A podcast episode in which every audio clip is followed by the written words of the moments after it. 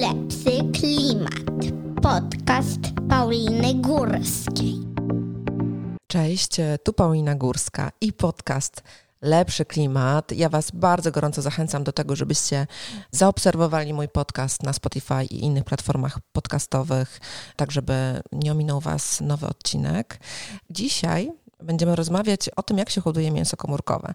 Ja myślę, że to jest dosyć ważny, ciekawy, ale też kontrowersyjny temat. I moim gościem dzisiaj jest Stanisław Łoboziak. Cześć. Cześć. I to kolejny raz się widzimy. Stanisław jest biologiem molekularnym, z zamiłowania też popularyzatorem e, nauki, autorem książki popularno-naukowej Laboratorium w szufladzie biologia, ale też wiceprezesem Lab Farm, firmy, która pracuje nad mięsem komórkowym w Polsce. Tak jak czytamy o Lab Farm, jest to taka firma, organizacja, która chce hodować prawdziwe mięso bez cierpienia, z korzyścią dla ludzi i planety. I tak możemy przeczytać na stronie Lab Farm właśnie. I dzisiaj naszym głównym tematem oczywiście będzie to mięso komórkowe, bo coraz więcej i częściej pojawiają się informacje na temat e, takiego mięsa, które również dotyczą tego, co się dzieje na świecie. W Stanach Zjednoczonych, nie wiem, w Singapurze, kolejne kraje też dopuszczają takie mięso do sprzedaży. Tak. Dzieje się naprawdę dużo i ja mam takie poczucie, że generalnie odbiór tych wszystkich wiadomości jest pozytywny, bo czujemy i myślimy, że jest to jakiś sposób na to, żeby uwolnić świat, przynajmniej częściowo, od hodowli przemysłowej, o której wiemy, że jest zła, mówiąc w skrócie, bardzo wielkim skrócie, że oddziałuje negatywnie na klimat, na środowisko, że e, jest daleka od etyki e, i od w ogóle etycznego traktowania zwierząt. Z drugiej strony mamy też jednocześnie takie poczucie, że ciężko nam będzie odejść w ogóle od jedzenia mięsa. Więc być może jakimś rozwiązaniem jest właśnie mięso komórkowe. Chciałabym, żebyśmy zaczęli od tego, jak wygląda ten proces, bo to, że się dużo dzieje, to wiemy, ale jak wygląda ten proces od środka, od kulis? E, no to będzie jeden z naszych głównych tematów e, rozmowy, więc jakbyś mógł nas przeprowadzić przez ten proces, jak się to wszystko odbywa, krok po kroku. Znaczy najprościej rzecz ujmując, po prostu dostajemy próbki mięśni zwierząt i różnych tkanek, e, ponieważ w tych próbkach znajdują się komórki i rozpoczyna się proces ich izolacji i to w zależności od tego, jaki typ komórek chcemy wyizolować, no to musimy mieć dostarczoną odpowiednią próbkę. I później taka próbka jest trawiona enzymatycznie, mhm. ponieważ komórki znajdują się w takiej siateczce, która jest taką siateczką łączno-tkankową. E, między innymi jakby jak mamy blizny, no to widzimy, że tam powstają takie wzrosty, e, no to mm, za tą siateczkę są odpowiedzialne między innymi e, komórki, mhm. które jakby tworzą te wzrosty. I z tej tak naprawdę próbki, która jest następnie mechanicznie rozdrabniana i poddawana działaniu enzymów, e, izolujemy komórki. I teraz e, następnie po takiej izolacji te komórki są sortowane, ponieważ wiadomo, że w tkance znajdują się różne komórki, a my konkretnie chcemy się skupić na tych, co nas interesują i głównie hodujemy jakby komórki e, satelitarne z mięśni, mhm. komórki tłuszczowe i komórki tkanki łącznej. I e, te komórki po takiej izolacji muszą trafić do tak zwanej kwarantanny, czyli jeszcze ponownie sprawdzamy, czy tam nie ma żadnych bakterii, żadnych wirusów i dopiero jeżeli jesteśmy pewni, jakby, że one tak naprawdę mhm.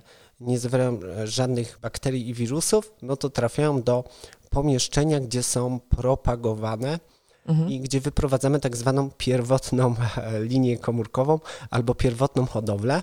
E, ta pierwotna hodowla jeszcze zawiera jakby różne typy komórek i dopiero jakby przenosząc te komórki z naczynia do naczynia, tak naprawdę i sortując, uzyskujemy taką hodowlę, która zawiera tylko te komórki, które nas interesują.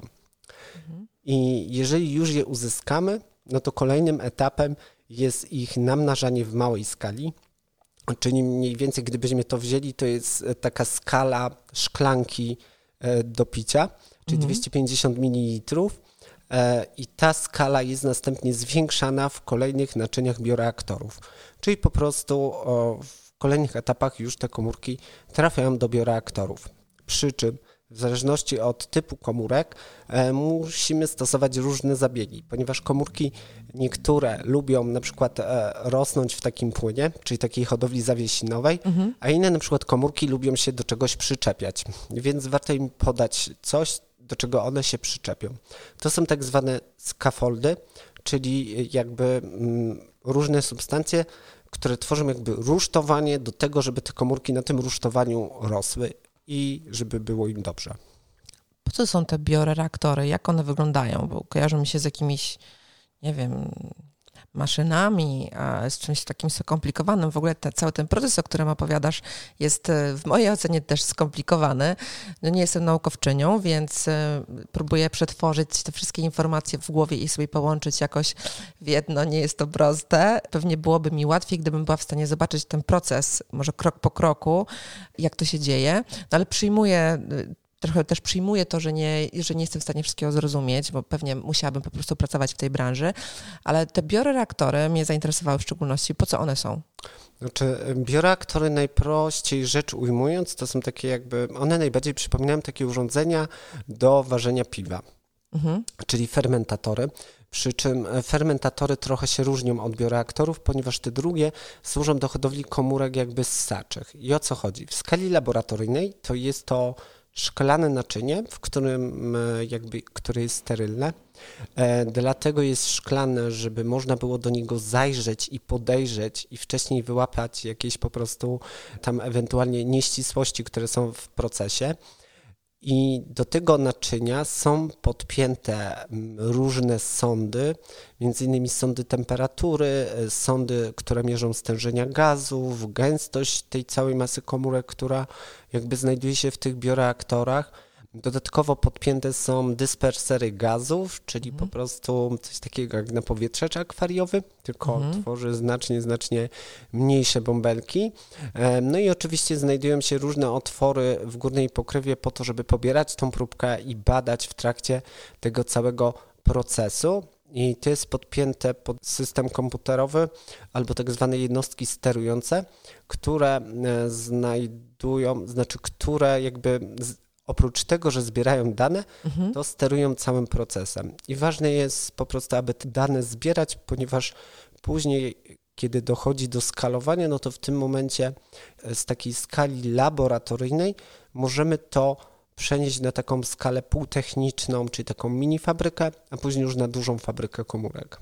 A wy teraz w jakim momencie rozwoju jesteście jako firma? Czy wy funkcjonujecie w jakimś laboratorium i e, jaki to jest etap kiedy myślisz, że to mięso hodowane laboratoryjnie przez Was będzie dostępne? Oczywiście poza tym, że potrzebujemy jeszcze regulacji w Europie, bo nie możemy sprzedawać mięsa y, komórkowego na ten moment, o ile mi wiadomo, no ale powiedzmy, że jeśli będziemy mieli już odpowiednią regulację, no kiedy Wy jako firma będziecie gotowi ze sprzedażą?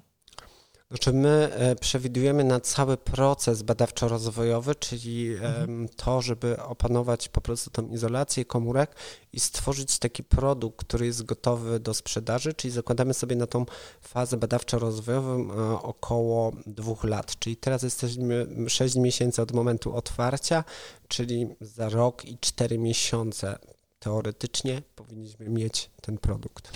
Okej. Okay. E, czy to jest laboratorium, czy już bardziej jakaś taka fabryka, mini fabryka?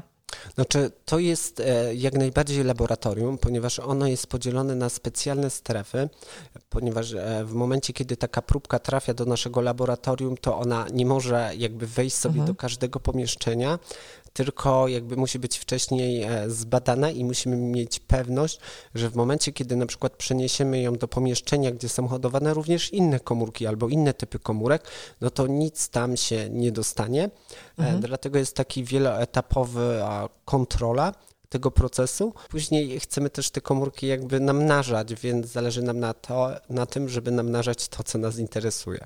Dlaczego tak ważne jest to, żeby te komórki były odizolowane od e, jakiegoś zagrożenia związanego z bakteriami czy wirusami? Wydaje mi się, że jeśli chodzi o wirusy, to, to jest też dosyć duże wyzwanie, no bo łatwe jest rozprzestrzenianie się wirusów, Dlaczego to jest tak ważne i jak wy to robicie, żeby, żeby te komórki właśnie odizolować od tego? Czy wy jeste, jesteście wszyscy w takich kombinezonach, jak na filmach jakichś pandemicznych? E, jak to wygląda? Znaczy w takich kombinezonach e, będziemy, jak dostaniemy bioreaktory, ponieważ chcemy, żeby ta strefa z bioreaktorami była najbardziej czysta, ponieważ do bioreaktorów daje się jakby bardzo duże ilości mediów hodowlanych, które mhm. na chwilę obecną jakby są jednak kosztem, więc chcielibyśmy po prostu najzwyczajniej jakby e, tą strefę, o tą strefę najbardziej dbać. Również mamy taką strefę, w której znajdują się specjalne komory.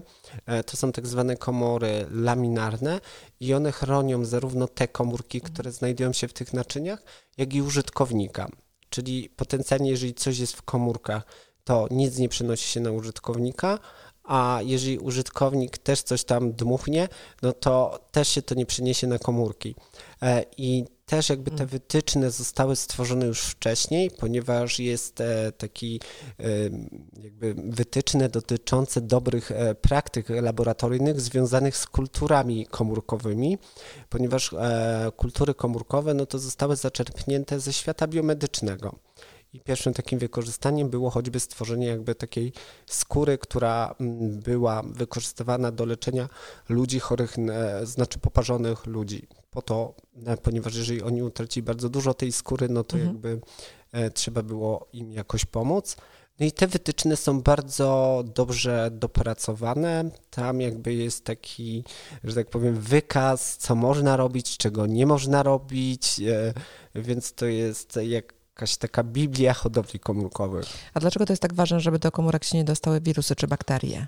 Znaczy po pierwsze, bo jeżeli mówimy o bezpieczeństwie żywnościowym, no to jakby e, wiemy, że bakterie nawet jak się dostaną do normalnego mięsa, to jakby powoduje jego psucie i e, też możemy mhm. się zarazić jakimiś chorobami odzwierzęcymi.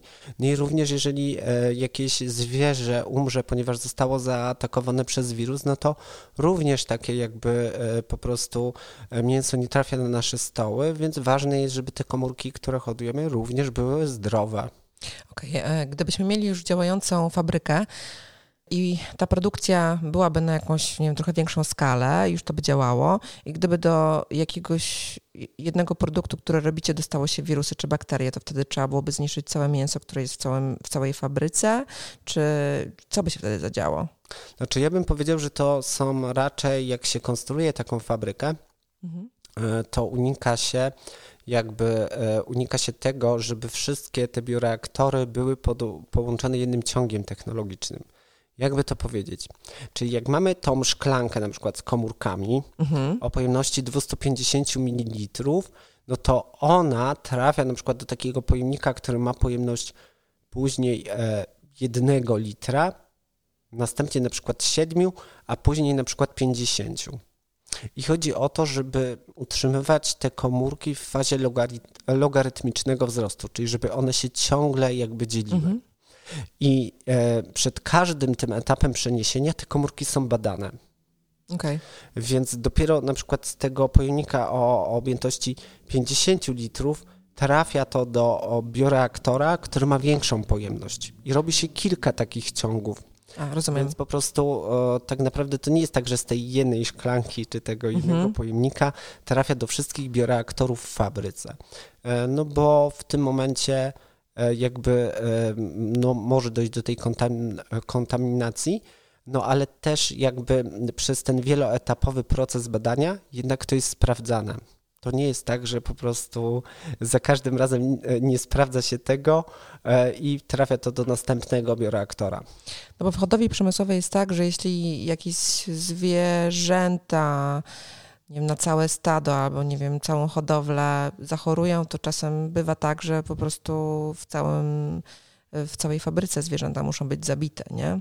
Żeby po prostu ten wirus czy ta bakteria się nie, nie rozprzestrzeniała. Dlatego też pytam o to w tym kontekście, czy tutaj jakby tym procesem rządzą podobne zasady, ale jak rozumiem nie, dlatego że ten proces się jakby dzieli na etapy tak. i Okej, dobra.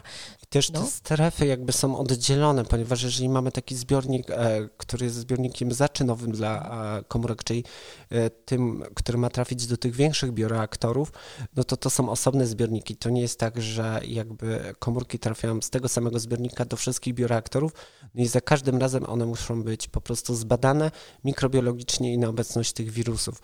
I to też się robi ze względów ekonomicznych, ponieważ lepiej jest stracić na przykład, nie wiem, 20-litrowy pojemnik albo 50-litrowy, niż na przykład, nie wiem, pojemnik o pojemności 5000 litrów.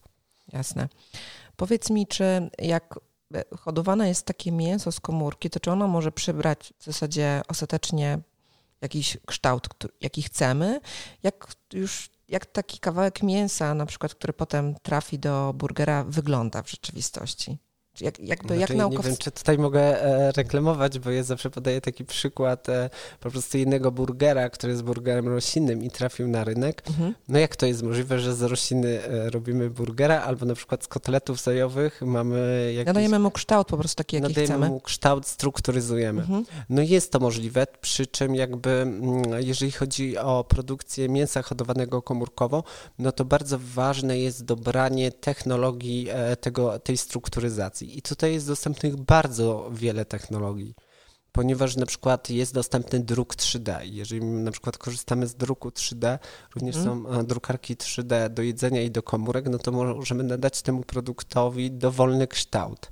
E, możemy odtworzyć jakby strukturę tego mięsa. Mhm. Też e, dostępne są różnego rodzaju skafoldy. Skafoldy to są jakby takie materiały, które jakby, mm, do których lubią się przyczepiać komórki. I najbardziej popularnym jakby takim skafoldem, który znamy pewnie z kuchni, który często jest też wykorzystywany na przykład e, w laboratoriach, jest Mhm. żelatyna. Tylko na przykład no, my osobiście nie chcemy korzystać z żelatyny, ponieważ jest to produkt odzwierzęcy. Innymi jakby typami skafoldów są skafoldy albo białka roślinne, czyli pochodzenia roślinnego. Też również są takie jakby skafoldy pochodzące z glonów, z alg. E, Są to różnego rodzaju cukry, więc tych możliwości jest naprawdę, naprawdę bardzo dużo. Interesuje mnie też ten proces e, pobierania komórki, ale też to, co za tym stoi, czyli o pytanie, czy trzeba zwierzęta hodować właśnie na komórki, ile tych zwierząt trzeba mieć, ile żyją też takie komórki, czy wystarczy je pobrać raz, czy trzeba częściej. Na stronie waszej jest napisane, że jeden kurczak mógłby wyżywić cały świat. E, W teorii jest możliwe, żeby jeden kurczak wyżywił cały świat, jeżeli otrzyma się ciągłą linię komórkową, która dzieli się w nieskończoność. Mhm. E, A w praktyce? w praktyce to zależy od regulacji danego kraju. Mhm. Ponieważ jeżeli na przykład spojrzymy na Izrael i na Singapur i Stany Zjednoczone, to tam jest więcej możliwości. Jednak rynek europejski pod tym względem jest jakby ograniczony i też e, jakby w tych krajach opinia publiczna e, różnie reaguje na różne technologie. I jeżeli chodzi o właśnie Lab Farm, no to my dostajemy próbki mięsa, które jakby są kierowane na badania mikrobiologiczne. Mhm. Czyli jakby e, mięsień jest skierowany na badania mikrobiologiczne po to, żeby taki produkt trafił na nasze stoły, a my dostajemy najzwyczajniej kawałek tego mięśnia i to jest jedna rzecz, nad którą pracujemy, czyli nad polepszeniem tej izolacji. Mhm. E, Czyli zwierzę nie musi specjalnie umierać, nie musimy specjalnie hodować tego zwierzaka, żeby po prostu pobrać te komórki. A drugą technologią e, jest e, technologia, że wyprowadzamy taką linię komórkową, która może się dzielić w nieskończoność. Mhm. Również istnieją takie możliwości, że jeżeli byśmy uzyskali komórki pluripotencjalne, czyli komórki, które są w stanie zmienić się w każdy rodzaj tkanki, to moglibyśmy też e, teoretycznie hodować takie komórki w nieskończoność.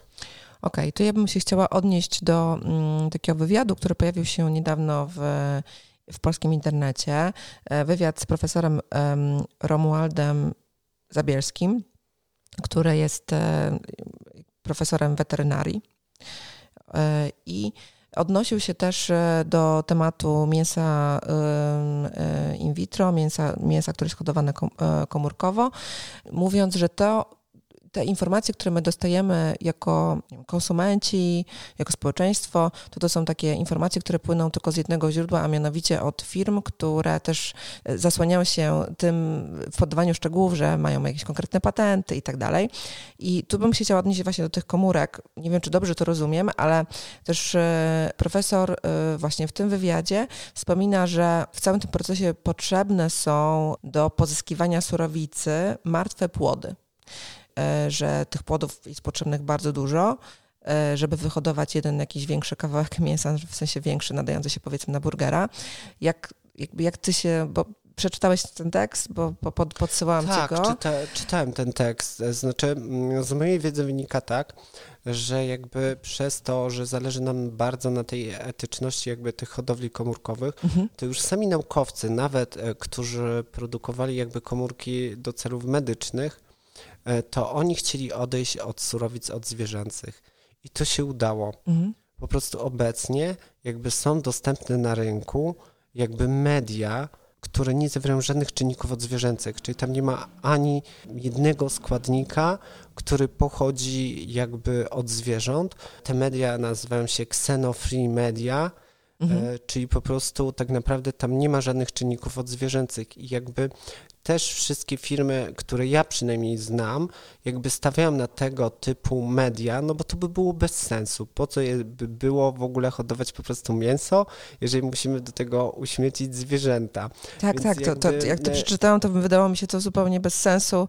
Tak. I ja jeszcze, ja jeszcze mm. dodam, że powstają w ogóle, e, w ogóle osobne firmy i startupy, które wyłącznie pracują nad mediami, czyli po to, żeby do każdego typu komórek mieć odpowiednie media, które jakby można wykorzystywać w tym procesie. Media, czyli źródło, tak? Trochę dobrze to rozumiem? Media to jest płyn, w którym rosną te komórki. A, rozumiem, czyli to jest taki płyn, który zawiera witamin. Czyli ta surowica właśnie.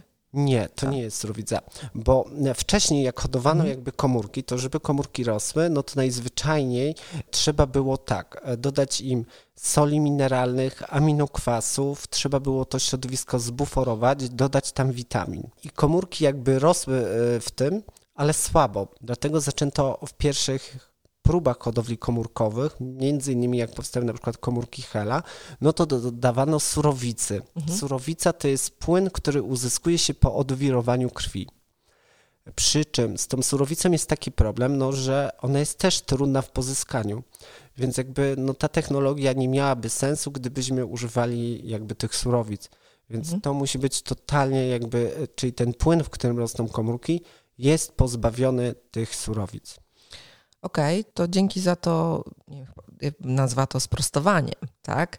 Ale zakładam, że może gdzieś funkcjonują na świecie jakieś firmy, które korzystają z tych e, innych metod, czyli właśnie z surowicy z martwych płodów. Znaczy, wydaje mi się to, wątpię w to.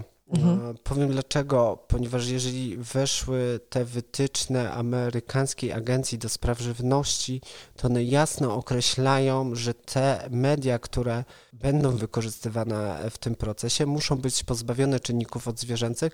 Mało tego, właśnie one muszą być super po prostu chemicznie zdefiniowane. Chodzi o to, mhm. że jakby jak my pozyskowalibyśmy surowicę, mhm. to ona nie ma powtarzalnej jakości. Dlatego ważne jest, żeby wszystkie składniki, które dodajemy do tego medium, były opisane i zdefiniowane. I też się tworzy takie chemicznie zdefiniowane media, czyli wygląda to jak po prostu przepis, gdzie jest ściśle napisane, ile jakiego składnika dodajemy. Mhm. Okej. Okay. Kolejną taką rzeczą, w ogóle dzięki za to wyjaśnienie i ja myślę sobie, że te, że firmy... Tylko dodam, że to mhm. jest taki argument, który właśnie bardzo często pada jakby wśród, e, na różnych konferencjach w ogóle, że to jest jakby taki argument, który pada na różnych konferencjach, ale właśnie mhm. Mm, proszę sobie zobaczyć, e, jeżeli, nie wiem, nasi słuchacze mają czas, na te kse, xenofree media i te, jeszcze są te chemicznie zdefiniowane media, są ich naprawdę po prostu tysiące. Mhm, Okej. Okay. Zakładam, że myślę, że te, ten biznes naprawdę nie miałby sensu, gdyby trzeba było do niego pozyskiwać tysiące martwych płodów zwierząt, no, nie? Jakby w sensie, że, że no gdyby... Nie, nie tędy droga, nie? Jakby... No, chodzi e, o to, żeby po prostu jak naj mniej e, tych zwierząt cierpiały, żeby w ogóle ten proces był e, no, jak najbardziej etyczny i też żeby po prostu odpowiadał na oczekiwania konsumentów. I też wiemy, że konsumenci jakby mają prawo pytać firmy, jak coś powstaje, jak wygląda ten proces, więc jakby myślę, że żadna firma po prostu by do tego nie dopuściła, żeby hodować te komórki na takim medium. Tak, chociaż to też jest taka trochę y, taki temat, który gdzieś jest między, gdzie, gdzie jest granica między tajemnicą jakąś patentową, a tą transparentnością i mówieniem o tym, jak ten proces wygląda, wiesz, tak w 100% od środka, z kulis i tak dalej.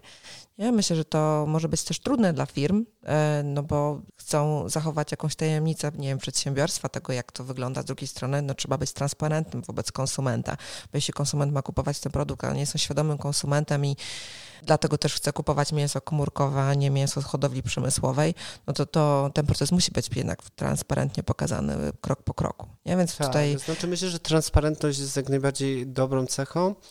I Wszyscy tego potrzebujemy tak, w dzisiejszym świecie, naprawdę. myślę, że taka jakby edukacja, bo często w tym procesie jakby mhm. pojawiają się jakby nowe terminy albo jakieś słowa, które są trudne, bo one są zaczerpnięte trochę z takiego żargonu naukowo-laboratoryjnego, tak. więc e, nawet samo powiedzenie jakby mm, ludziom, że te komórki są w stanie rosnąć po prostu, jeżeli dodamy ich, tych składników mineralnych i jak e, wygląda dodawanie tych składników mineralnych. E, no jest dużo takich terminów, które wydaje mi się, że mogą trochę przerażać, albo że jakby których ludzie nie znają, ale mm, no coraz więcej się pojawia takich publikacji, które jakby tłumaczą to wszystko. Mhm. Tutaj myślę, że tutaj też jest duża rola firm, żeby to, to pokazywać. Kolejne pytanie dotyczy takiego przekonania części konsumentów, że mm, mięso komórkowe to jest mięso sztuczne. I tutaj też e, akurat ze strony profesora, którego wcześniej przywoływałam, e, też pada tutaj taki argument, że e, mięso z komórki to tak naprawdę najbardziej przetworzona żywność, ponieważ ma inny skład ilościowy, jakościowy niż komórki mięśni zwierząt gospodarskich i że nie jest prawdą to, że to mięso jest w stanie być hodowane bez antybiotyków, więc są tam antybiotyki, jest to mięso przetworzone, to w zasadzie po co w ogóle mamy je robić? Jak to byś się do tego odniósł? Znaczy też zalecam do zajrzenia do tego Good Laboratory Practice, ponieważ tam, jeżeli chodzi o hodowle komórkowe, mhm. ponieważ e, nowoczesne hodowle komórkowe nie korzystają z antybiotyków. Mhm. Chodzi o to, że antybiotyki wpływały na metabolizm tych komórek i jakby zmieniały dane naukowe. W sensie, że uzyskiwane dane nie odpowiadały do końca rzeczywistości, jeżeli zastosowaliśmy jakiś antybiotyk. Dlatego teraz antybiotyki eliminuje się z tych hodowli i w samym takim bioreaktorze również jakby nie ma antybiotyków, więc jakby no ten argument też jakby no jest nietrafiony. Okej, okay, a co z e, tym przekonaniem, czy z argumentem, który dotyczy stopnia przetworzenia takiego mięsa? Czy ty faktycznie byś powiedział, że to jest przetworzone mięso, czy nie? Znaczy dla mnie jakby skład ilościowy i jakościowy, jeżeli weźmiemy pod, pod uwagę skład komórek, które wchodzą mhm. w skład e, tkanki mięśniowej, no to jakby jest taki sam. Mało tego, on jest bardziej powtarzalny, ponieważ my ściśle możemy kontrolować, ile tam będzie komórek tłuszczowych, a ile będzie komórek mięśniowych, mhm. ile będzie komórek tkanki łącznej i możemy ten proces po prostu jakby e, no powtarzalnie kontrolować. To jedno, a czy to jest najbardziej przetworzone? To wydaje mi się, że to jest najmniej przetworzone mięso. Widziałem bardziej przetworzone mięsa. Okej, okay, a czy wy w trakcie tego procesu dodajecie jakieś wiem, witaminy, jakieś minerały, coś do tego mięsa, żeby go wzbogacić albo w taki sposób go y, wytworzyć, żeby bardziej przypominało, nie wiem, smakiem, czy też pod kątem właśnie składu, y, to mięso powiedzmy tradycyjne. Znaczy za smak mięsa głównie odpowiadają komórki tłuszczowe, ponieważ mhm. tłuszcz jest jakby nośnikiem smaku i hemoglobina, która nadaje takiego metalicznego posmaku mięsa. E, no i jakby nic tam do tych komórek obecnie nie dodajemy, ponieważ na razie chcemy, żeby się nam dzieliły i mhm. żebyśmy ich uzyskiwali jak największą ilość. Pewnie wkrótce przejdziemy do takiego etapu strukturyzacji, ale jakby też e, po prostu biorąc pod uwagę skład takiego mięsa, no to te same witaminy i jakby sole mineralne znajdują się jakby już w medium. Mhm. Więc komórki same pobierają taką ilość, jaką potrzebują. Więc jakby nie ma potrzeby, żeby je później jeszcze dodawać. Hmm. Okej. Okay. To taki proces już, y, kiedy mamy mm, wszystko gotowe do produkcji, ile trwa proces wyhodowania z komórki takiego mięsa, które by się nadawało już y, do sprzedaży? Znaczy, jeżeli byśmy brali pod uwagę na przykład e, kilogram wołowiny, no to on rośnie tak jakoś 6 miesięcy, no to w takiej fabryce rośnie dwa razy szybciej, czyli 3 miesiące. Mhm. Okay. Dwa razy dwukrotnie skrócenie tego czasu. Czy myślisz, że Polaków będzie stać na to, żeby kupować takie mięso? Bo oczywiście doszło do dużej zmiany na przestrzeni ostatnich 10 lat. W 2013 roku koszt jednego burgera wynosił 330 tysięcy dolarów. E, uwaga, naprawdę taka kwota. Um... Ja bym powiedział, że to była kwota przeznaczona na cały ten proces. Okej. Okay. Czyli to było tak, 330 tysięcy dolarów. Wyprodukowanie po prostu tak, takiego jednego kawałka. Tak. A w 2021 roku to jest 26 dolarów. Dokładnie. Już. Czyli jest ta zmiana? Czyli, czyli myślisz, ile? Ponad że... 6 tysięcy razy staniało? tak, czyli myślisz, że za jakieś 5-6 lat to będzie takie mięso, na które będzie stać przeciętnego Polaka? Myślę, że jak najbardziej, ponieważ też wszystkie jakby mm, te startupy i firmy dążą do tego, żeby to był produkt dostępny dla każdego i mhm. jakby taką cenę opłacalności, no to jeżeli na przykład za kilogram wołowiny płacimy jakąś kwotę, no to taka akceptacja jakby konsumentów będzie, jeżeli te kwoty będą zbliżone albo będzie nawet po prostu to tańsze. Ale wiemy, że technologia tanieje wraz jakby z ilością pracy włożoną w tą technologię. Mhm. Czyli na początku to było coś drogiego, a teraz już widzimy, że ta cena znacznie, znacznie spadła. Mhm, Okej. Okay. Czy wy prowadzicie albo planujecie prowadzić jakieś działania na rzecz wprowadzenia szybszych regulacji właśnie w temacie mięsa komórkowego e, w Unii Europejskiej? Znaczy, bo tutaj rozumiem, że trzeba przekonywać Komisję Europejską, gdzie pewnie już to się w jakimś zakresie dzieje, bo nie jesteście jedyną firmą w Europie, w Unii Europejskiej, która pracuje nad mięsem komórkowym. Jest ich pewnie wiele. Nie wiem, czy jesteście jedyną w Polsce? Teraz jesteśmy jedyną w Polsce, tak. Okej. Okay.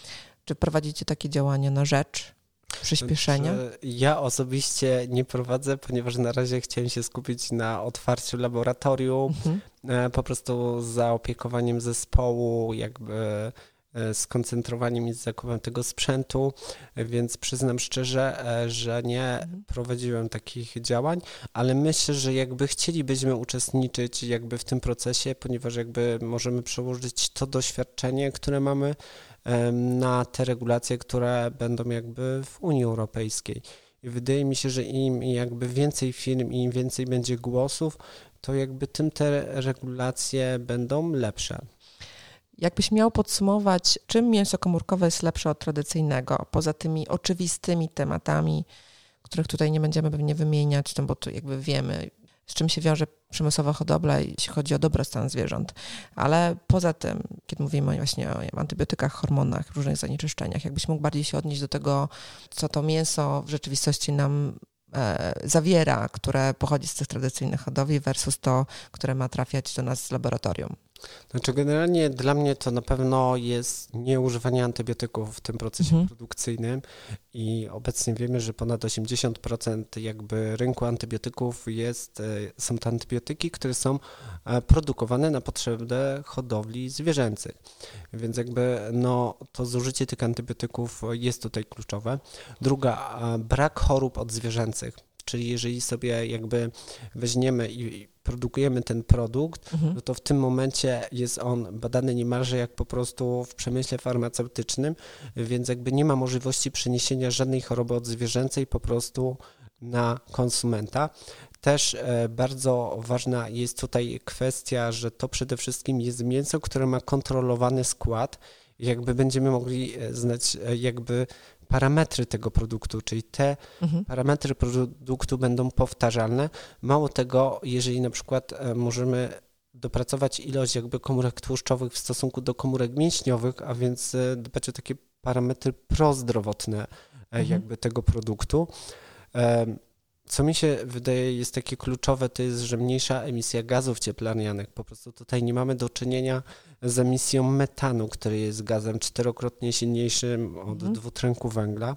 I wydaje mi się, że to jest taka technologia, którą warto rozwijać, ponieważ nawet jeżeli gdziekolwiek polecimy, ale ja bym chciał jeszcze podać jeden przykład, który właśnie chciałem powiedzieć, ale e, Mhm. jakby przez to, że tyle mówię, to tutaj mi wypadł z głowy. Chodzi o bezpieczeństwo żywnościowe. Mhm. E, I ja wiem, że e, jakby ludzie lubią tradycje i jakby to jest bardzo ważne, żeby to pielęgnować, ale w momencie, kiedy mieliśmy pandemię, takie globalne pandemie, jeżeli chodzi o jakby zwierzęta, Mhm. czy pierwsze to była choroba wściekłych krów, gdzie miliony jakby krów zostało zabitych. Później następna to była chyba pandemia jakby ptasiej grypy i teraz jest afrykański pomór świń.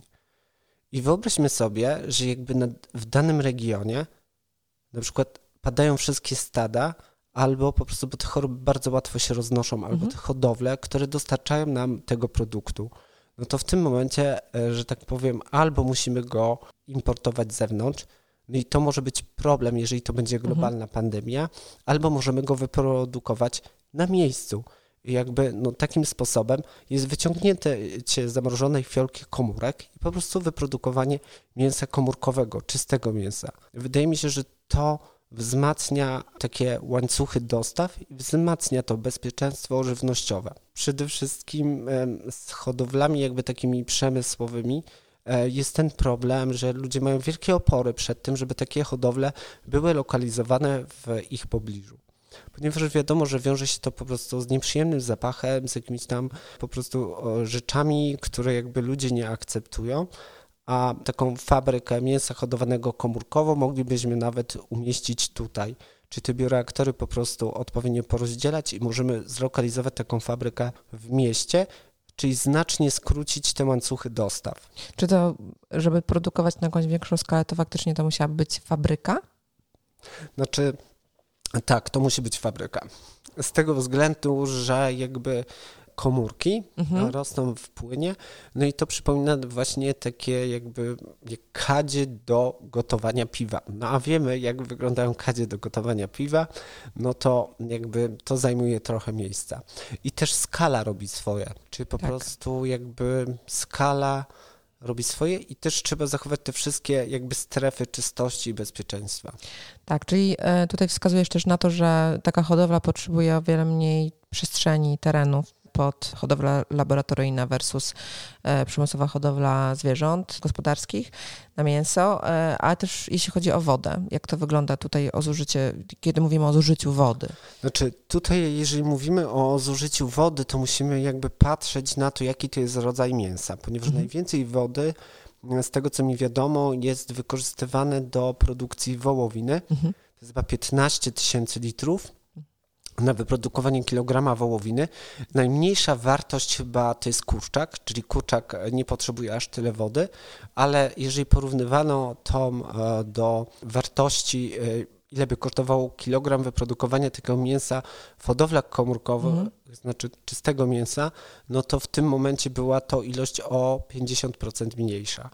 Przy czym A przy czym porównujemy do kurczaka czy do... do e, wołowiny. Te porównania oczywiście są dostępne, tylko ja tak z głowy ich teraz Mhm. nie wyciągnę. A ty osobiście to w sumie takie pytanie trochę retoryczne, no bo jesteś zaangażowany w ten biznes. Czy ty uważasz, że mięso komórkowe jest faktycznie taką przyszłością i może nam pomóc e, w walce z, w walce, no nie każdy walczy, ale jednak ma, myślę, że część z nas, duża część z nas ma przekonanie, że przemysłowa hodowla to jest coś, e, co powinniśmy szybko i ograniczać, że mięso komórkowe jest tutaj jakimś ratunkiem? Znaczy, ja osobiście uważam, że jakby fajnie by było rozwijać technologie, które dają potencjał. Mhm. To, że jakaś technologia jest na początkowej fazie swojego rozwoju, e, to jakby jest obiecująca, trzeba ją rozwijać, ponieważ to nam daje alternatywy. Bo my nie wiemy e, na przykład, jak będzie wyglądać świat, ale wiadomo, że dla różnych regionów to może być coś innego. I na przykład może będą regiony, gdzie po prostu jakby ten rynek się podzieli. Może będą regiony, gdzie po prostu tylko będzie mięso hodowane komórkowo, albo Mhm. będzie hodowane tradycyjnie. Tego nie wiemy, ale na pewno jest pewne, że musimy coś z tym zrobić, ponieważ no, też jest coraz więcej badań na temat dotyczących zwierząt, dotyczących ich świadomości i dotyczących tego, co te zwierzęta czują.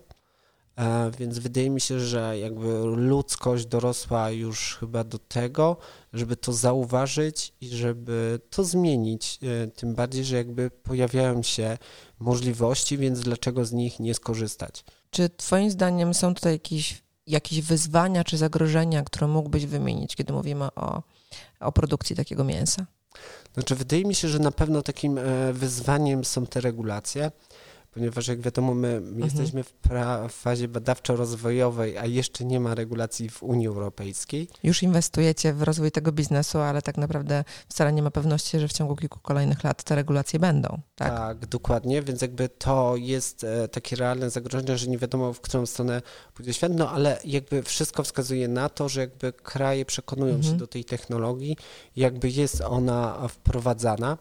No i wydaje mi się, że też, że Mhm. No sama chęć konsumentów do zakupu takiego mięsa jest ważna, ponieważ jeżeli będzie chęć konsumentów, no to dlaczego go nie produkować? A powiedz mi, skąd wybierzecie know-how do tego, jak to robić, skoro jesteście pierwszą i póki co jedyną firmą w Polsce, która pracuje nad e, takim mięsem? Skąd wiecie, jak to zrobić dobrze? E, Skąd wiecie, jakie są te etapy, ten proces? Ojejku, to jest sprawa skomplikowana. No więc ja jak e, jeszcze mm, robiłem mięsnego liścia, no Co to był mięsny liść? Ja pierwszy raz słyszę, co to jest mięsny liść? A wiem, wiem. Tak, To jest był ten projekt. Tak, to był ten projekt. Tak. No to jakby To jest, a powiedz o tym projekcie, dosłownie chwilę, bo myślę, że te, a to ten był- projekt to niekoniecznie wiedzą wszyscy, o co chodzi. Tak, to, to był taki projekt, który był e, zrobiony na festiwal jakby przemiany Centrum Nauki Kopernik i chodziło o to, żeby po, zakomunikować ludziom w jakiś taki Mhm. trochę poetycki sposób jakby tą technologię, nie? No bo gdyby się pokazało ludziom jakby mięso mielone zwykłe versus komórkowe, no to oni by jakby nie byłoby widać żadnej różnicy. Mhm. E, A właśnie ta forma liścia, czyli to był jakby liść szpinaku, z którego jakby zostały one oczyszczone z komórek roślinnych, a następnie jakby na rusztowaniu tego liścia, który jest jakby celulozowy, zostały jakby tam wprowadzone komórki satelitarne mięśni. Wzięło się to trochę z zabawy w laboratorium, Mhm. ponieważ interesowałem się mm, technikami różnymi otrzymywania właśnie tych rusztowań do hodowli komórkowych. Czyli po prostu się tak bawiłem w laboratorium i w pewnym momencie to odstawiłem, no ale pojawiła się okazja, żeby wykorzystać jakby to właśnie w tym projekcie. No i się udało, no to wtedy rozmawiałem po prostu z zaprzyjaźnionymi naukowcami właśnie ze Stanów, którzy pracowali właśnie w firmie jakby teraz już chyba Upside Foods i oni mi pomagali jakby albo mówili mi w którym kierunku iść, albo w którym kierunku nie iść. No też e, bardzo jakby pomocnymi osobami są ludzie, którzy zajmują się hodowlami komórkowymi, ponieważ e, jednak w Polsce mamy dużo ośrodków, które hodują jakby komórki. E, Są to zarówno komórki jakby mięśniowe, komórki skóry. Też mamy dużo ośrodków, które zajmują się takimi medycznymi jakby zastosowaniami tych technologii. Więc e, bym powiedział, że trzeba było ich wszystkich zebrać i skombinować w jednym miejscu. I dużo, Mhm. dużo czytać. No i wtedy jakby stąd czerpiemy tą wiedzę, ponieważ oczywiście pojawia się dużo jakby publikacji i artykułów Mhm. naukowych, no ale wszystko trzeba tak sprawdzić namacalnie. Mhm. Bo mm, jakby firmy, które nad tym pracują, no jednak nie chcą się e, dzielić jakby szczegółami tych technologii. Tak, czyli zasłaniają się patentami na przykład na, na te technologie? Znaczy myślę, że prawo patentowe już chyba pojawiły się pierwsze patenty, jeżeli chodzi o te mm, e, technologie, Mhm. ale to jest normalny proces. Każda po prostu firma, która wprowadza nową technologię, chce być chroniona albo chce chronić swoją własność intelektualną. Co powiesz jeszcze tak na koniec na taki argument, że ja nie będę jadł tego mięsa, ponieważ e, my dzisiaj wiemy to, co wiemy, ale nie wiemy tak naprawdę, co nam to mięso może robić za 10 lat czy za 20 lat, że na przykład, nie wiem, może nam niszczyć coś w organizmie, może na nas negatywnie wpływać i tak dalej. Więc ta wiedza, którą nam dzisiaj dostarcza nauka, jest niewystarczająca do tego, żebym mógł się e, przestawić z mięsa tradycyjnego na mięso laboratoryjne. Znaczy, my nie chcemy nikogo zmuszać. Jeżeli ktoś mhm. nie chce tego zjeść, to jakby nie będziemy za nim chodzić i go częstować i nie wiem, tak podsuwać na widelcu, a spróbuj, a czy on się rozróżni, mhm. te mięsa. Nie, nie, nie, nie o to nam chodzi. Kto będzie chciał to zjeść, no to zje. Jeżeli ktoś nie będzie chciał, no to nie zje. Ja przypomnę, że jakby telefony komórkowe weszły ile lat temu? Też nie wiedzieliśmy, jak będą wpływać na nas samochody, też nie wiedzieliśmy, jak będą na nas wpływać samoloty, też nie wiedzieliśmy. Każda nowa technologia, nie wiemy, co przyniesie przyszłość. Mhm. Więc jakby wydaje mi się, że kluczowe są dobre wytyczne, mhm. dobre regulacje, żeby to był produkt przede wszystkim czysty mikrobiologicznie, jakby bezpieczny dla konsumenta i to jest ważne i postaramy się to zrobić. Okej, okay, wielkie dzięki e, Staszek za e, tą opowieść o mięsie komórkowym. Mam poczucie, że już że trochę więcej wiem, chociaż gdybym zobaczyła cały ten proces krok po kroku, to by było, było, byłoby to dla mnie łatwiejsze. Myślę, że dla konsumentów też. Nie? Więc może to jest jakiś pomysł na to, że jak będziecie mieli gotowy produkt, to żeby po prostu pokazać, jak faktycznie on jest stworzony. Nie? Myślę, że to jest dobry pomysł, jednakże jakby nawet urządzenia, które używamy, często jakieś po prostu rzeczy, które wykorzystujemy w tym procesie, no są jakąś własnością intelektualną i jakby też musimy jakby no, być ostrożni, ale myślę, że jak najbardziej będziemy się włączać w takie kampanie, które będą informować po prostu czym e, jest mięso komórkowe i jakby e, będziemy po prostu tak zachęcać do zgłębienia tej technologii. Mhm. Dobra, wielkie dzięki za rozmowę i do usłyszenia i do zobaczenia. Cześć. Dziękuję uprzejmie. l'abse clignote.